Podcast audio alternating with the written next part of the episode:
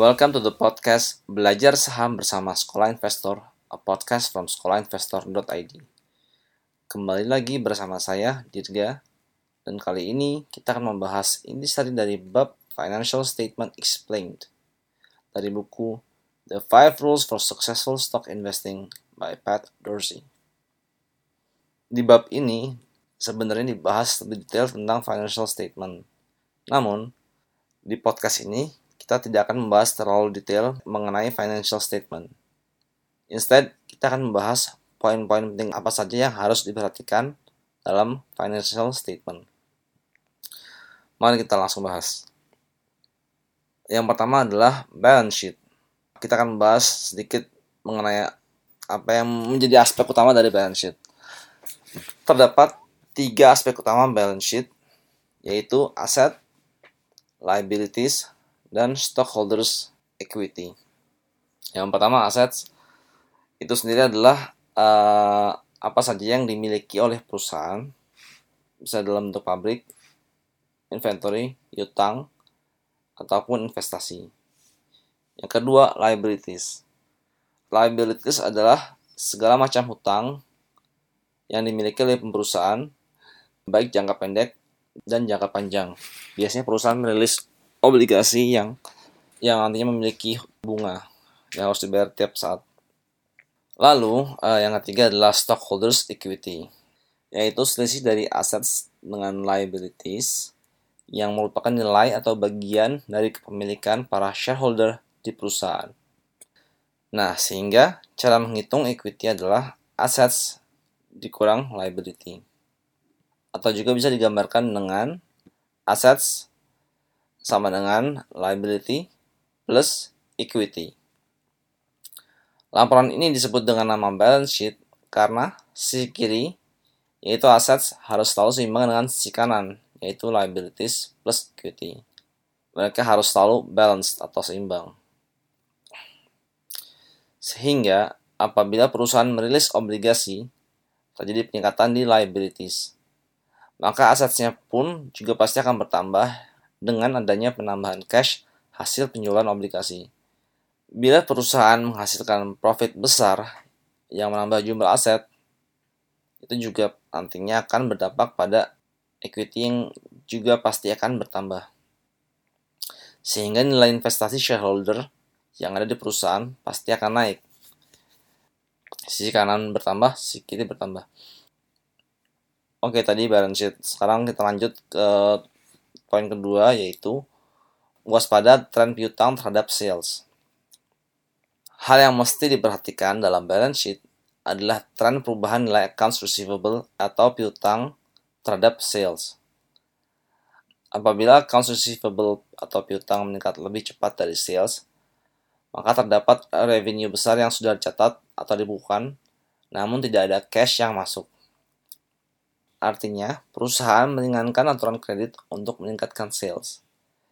Ini berarti terdapat resiko gagal bayar yang lebih tinggi.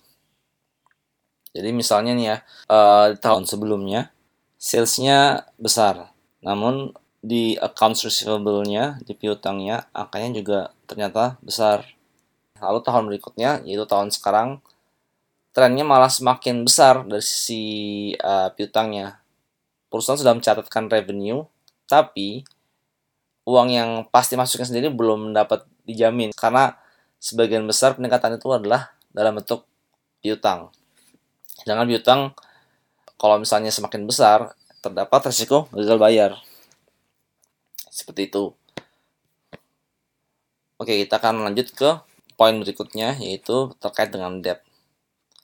Ingat, debt adalah fixed cost. Dalam mengevaluasi liability sebuah perusahaan, selalu perhatikan besarnya long-term debt dari perusahaan tersebut. Long-term debt yang dimiliki sebuah perusahaan memiliki risiko yang tinggi karena perusahaan harus selalu membayar interest atau bunga apa pun kondisi bisnis perusahaan tersebut. Contohnya nih, yang terjadi di saat ini, di mana sedang ada pandemi COVID-19, roda perputaran ekonomi hampir berhenti. Nah, bagaimana perusahaan-perusahaan yang eh, nggak uh, cuma harus mikirin survival buat membayar gaji anak buahnya, tapi juga harus membayar debt interest atau bunga hutang apabila mereka memiliki hutang jangka panjang yang besar. Itu juga termasuk yang harus ekstra hati-hati dalam memilih sahamnya. Poin berikutnya adalah non-recurring charges or gains in income statement. Uh, jadi ada satu part di income statement di mana perusahaan biasa menaruh pemasukan atau pengeluaran yang bersifat sekali waktu atau biasa disebut dengan one time charge or gains yang sebenarnya bukan merupakan bagian dari operasional perusahaan sehari-hari. Contohnya itu kos penutupan pabrik, hasil penjualan mesin, atau bahkan mungkin akuisisi. Nah, idealnya part ini kosong atau ya kalaupun muncul ya benar-benar cuma sekali saja. Jadi tidak muncul di tahun berikutnya lagi gitu. Nah, namun kadang ada perusahaan yang selalu mengisi one time expense ini dengan rutin atau lebih dari setahun lah. Bagian one time expense ini selalu terisi dengan berbagai macam cost yang seharusnya merupakan bagian dari bisnis mereka atau harusnya masuk ke bagian operasional mereka. Ini menyebabkan one time expense tersebut menjadi sulit untuk dianalisa karena mereka tidak tercatat di operasional pada umumnya ya.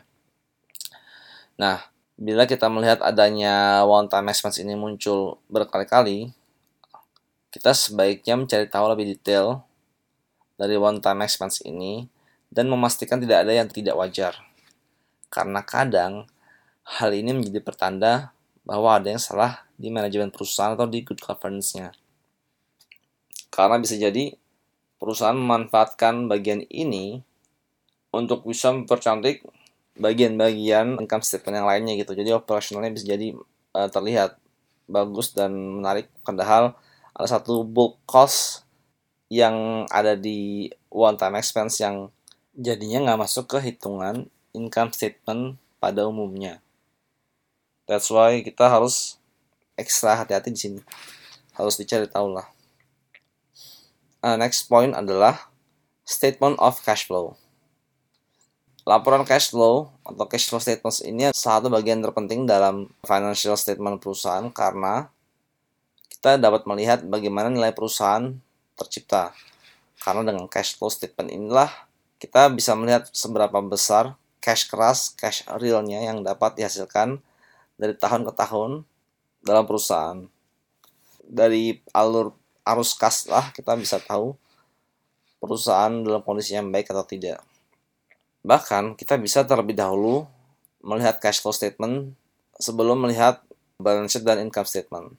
Kita bisa terlebih dahulu mengevaluasi seberapa besar cash yang masuk dan keluar sebelum dilanjutkan dengan yang kedua melihat balance sheet dan yang terakhir melihat income statement. Cash flow statement menyingkirkan semua poin-poin yang abstrak atau non-cash seperti depresiasi yang ada di income statement dan hanya fokus memberitahu kita seberapa besar cash sebenarnya yang dihasilkan. Banyak item yang ada di cash flow statement sebenarnya ada juga di balance sheet maupun income statement. Namun, penyajian data di cash flow statement dibuat sedemikian rupa sehingga sebenarnya memudahkan kita untuk bisa melihat pergerakan cash. Dan in yang terpenting sebenarnya adalah bagaimana akhirnya cash bisa masuk ke perusahaan. Bagian terpenting dari cash flow statement adalah cash flows operating activities. Karena di sinilah letak power dari perusahaan dalam menghasilkan cash berada dari operasional perusahaan sehari-hari. Poin terakhir dalam financial statement explain adalah understand the business. Dalam menganalisa sebuah perusahaan, pastikan kita mengetahui bagaimana pergerakan uang dalam bisnisnya. Misal, eh, kalau kita misalnya beli laptop ya, bagaimana sih alur perjalanan uang yang kita bayar untuk membeli laptop tersebut berakhir di perusahaan si pembuat laptop berapa bagian uang yang sudah kita bayar masuk ke pembelian bahan baku lagi masuk ke research and development ke pajak dan juga net profitnya itu seberapa besar sih dari setiap penjualan satu laptop apabila kita kesulitan memahami bisnis dari perusahaan maka bisa dikatakan kita tidak cukup paham untuk dapat membeli saham perusahaan.